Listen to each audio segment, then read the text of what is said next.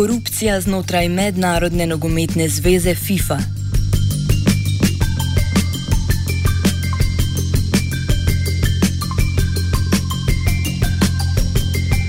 V jutranjih urah je švicarska policija v Cirihu aretirala sedem višjih funkcionarjev mednarodne nogometne organizacije FIFA. Med aretiranimi se je znašel tudi njen podpredsednik in vodja nogometne zveze Severne in Srednje Amerike ter Karibov Jeffrey Webb, član izvršnega odbora FIFA Eugenio Figueredo ter predsednik Brazilske zveze Jose Maria Main. Aretacija je bila osnovana na podlagi preiskave, ki 14 FIFInih funkcionarjev bremeni prejemanja podkupnin, izsiljevanja ter pranja denarja v skupni vrednosti 100 milijonov evrov. Dogodek komentira Jamie Fuller, član nevladne organizacije New FIFA Now. Uh, in some respects, uh, it's been the most astounding and incredible events happened today in, frankly, in the history of football.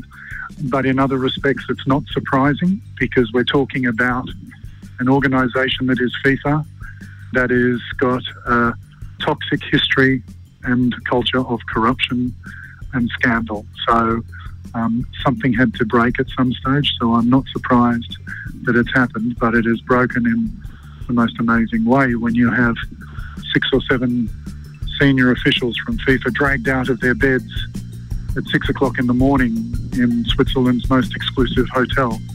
Uh, it's very serious.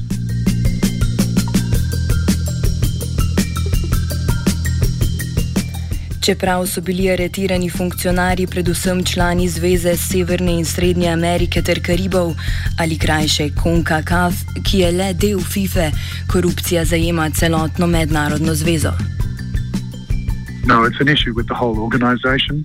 Um, this is not the limit or the extent of it. It's much bigger than this. Um, CONCACAF is not the um, is not the reason that the World Cup was awarded to Qatar and Russia. It's much bigger than that. Um, CONCACAF is not responsible for the ISL scandal with bribery that ran in, in excess of $100 million. Um, so, whilst CONCACAF has been the focus of the FBI investigation, um, I believe that the problems go a lot further and, a lot, and are a lot stronger than just CONCACAF. Koruptivna mreža, ki prepleta FIFO, črpa denar iz mnogih virov, od preprodaje kart do podkupovanj zaradi medijskih pravic. The, the sort of money that we're talking about is everywhere. It's in ticket sales for World Cups, it's in broadcast rights. You'll be aware that the broadcast rights holder is run by the nephew of Sepp Blatter, which I don't have an issue with Philippe Blatter having the opportunity to do this. I have an issue, though, with the fact that it's been done under a cloak of secrecy and not at arm's length and not with the sort of transparency that any other organisation would bring in, recognising that there was a potential conflict of interest or a perception of conflict of interest. So whether it's tickets, whether it's broadcast rights, whether it's just in the very act of awarding a mega event like the World Cup to a city and the money that gets spread around around that, every single facet of the game, and, and I'm sorry, also with the distribution of the goal money, with the distribution of the develop funds money, development funds money that we know does not reach the football associations in full. We know that there are people taking money along the way. Um, in some cases, a lot more than others, depending on the nature of the corrupt activity. This is an organisation that is corrupt throughout and it needs to change. Vendar pa korupcija ni omejena le na sedanje predsedovanje. Koruptivno delovanje organizacije v preteklosti razloži Fuller. Well, the corruption goes back beyond Blatter to his predecessor, Joao Havelange. And Joao Havelange uh, was proven to have taken significant payments, bribery payments, and backhanders from ISL back in the early, late 90s and early 2000s. So this is this is not just an issue with Sepp Blatter, but Joao Havelange was Sepp Blatter's uh, mentor. So the corrupt practice and the corrupt culture was passed down from the previous president to the current president. So we we need to break the chain. We need to stop this happening, which means we need a new president.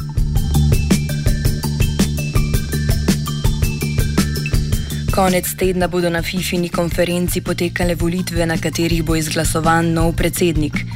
Ponovno je svojo kandidaturo na glasovanje poslal Seb Blatter, ki ga mnogi krivijo za sedanje stanje FIFA. Kakšni so obeti po volitvah, nadaljuje Fuller. If Prince Ali wins, then I think we have a chance. We do have a chance because this is a cultural problem.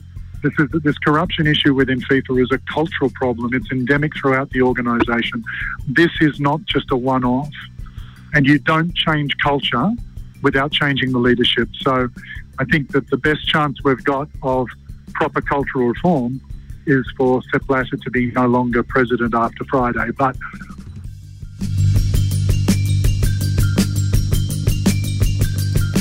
Pod vodstvom Sepa Blaterja je FIFA odobrila izvedbo nogometnega svetovnega prvenstva leta 2018 v Rusiji in na to čez štiri leta v Katarju. V slednji državi je varstvo migranskih delovskih pravic še posebej na dnu, dodatno pa je stanje poslabšala gradnja infrastrukture, potrebne za izvedbo prvenstva. Nadaljuje Mustafa Kadri iz Amnesty International. Qatar is currently going through a construction boom because of the World Cup. We've got over 1.5 million migrant workers in Qatar, expected to expand to 2.5 million in the next few years. So, whilst there's been that attention, not enough has been done so far. And ironically, because of the World Cup, um, you actually have more workers potentially facing abuse than ever before. Ključni razlog, ki omogoča delovsko izkoriščanje, je sistem zaposlovanja migranskih delavcev, znan kot kafala.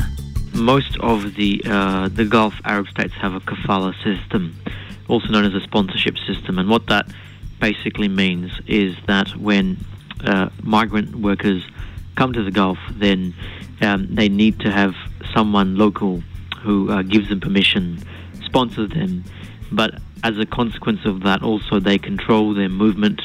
Um, they are only in the country with the permission of that sponsor. If they um, have problems with um, the people that they're working for, they can't change their sponsor, they can't leave the country with, without that person's permission. And so that in itself um, creates the conditions of forced labour, but then also opens a whole range of other migrant labour uh, labour abuse that these migrants are vulnerable to. And so, for example, if workers are not paid on time, are not paid adequately, um, if they're working in in dangerous or difficult conditions, if they live in a very bad way, they might complain about that, but even that complaint might cause them some problems. They, the, the sponsor might go to the government, to the police, and say, This worker is not my worker, or they might cancel their sponsorship, and uh, the worker, you know, will be in all sorts of difficulties. So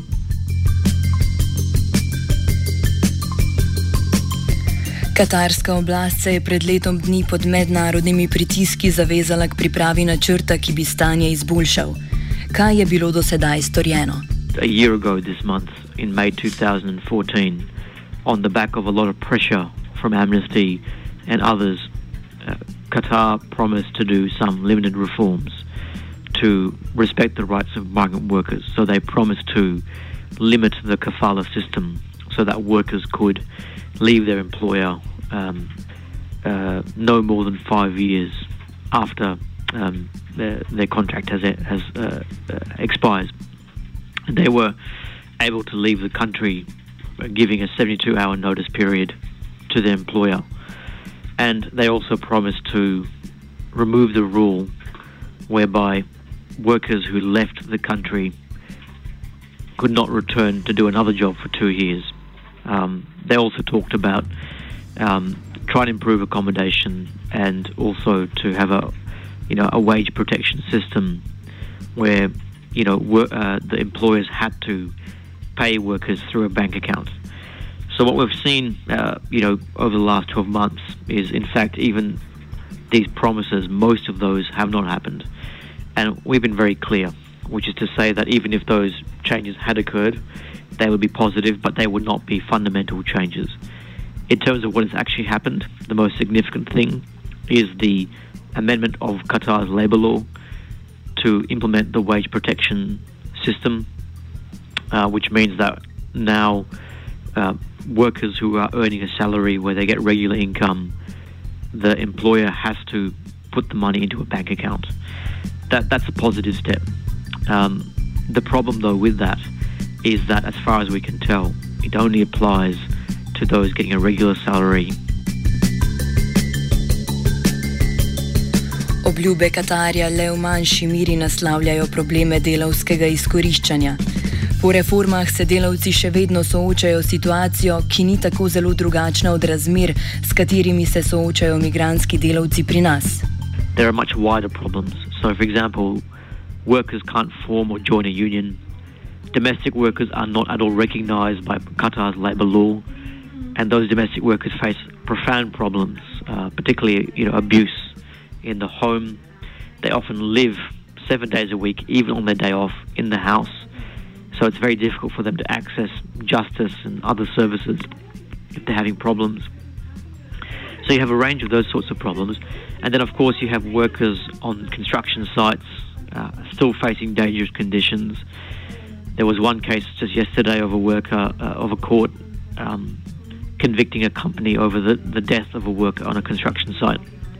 You've got access to health problems for many workers, many workers that I've spoken to with very common, ordinary problems. You know, a cut on the hand, an injury to their foot, and yet getting very limited access to health, or being docked pay if they're sick.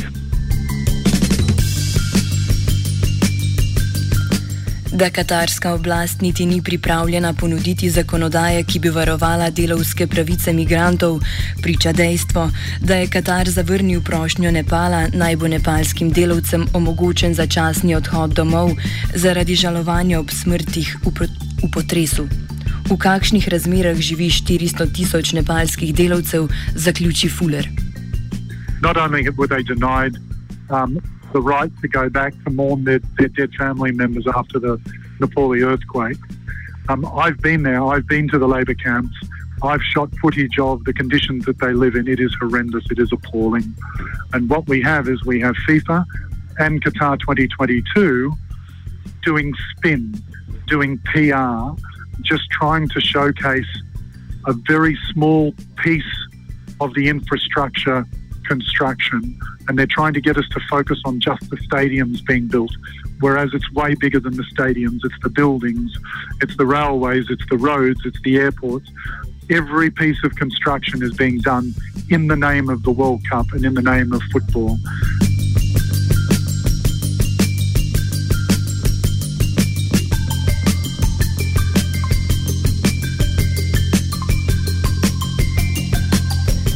Offside je pripravil Jošt.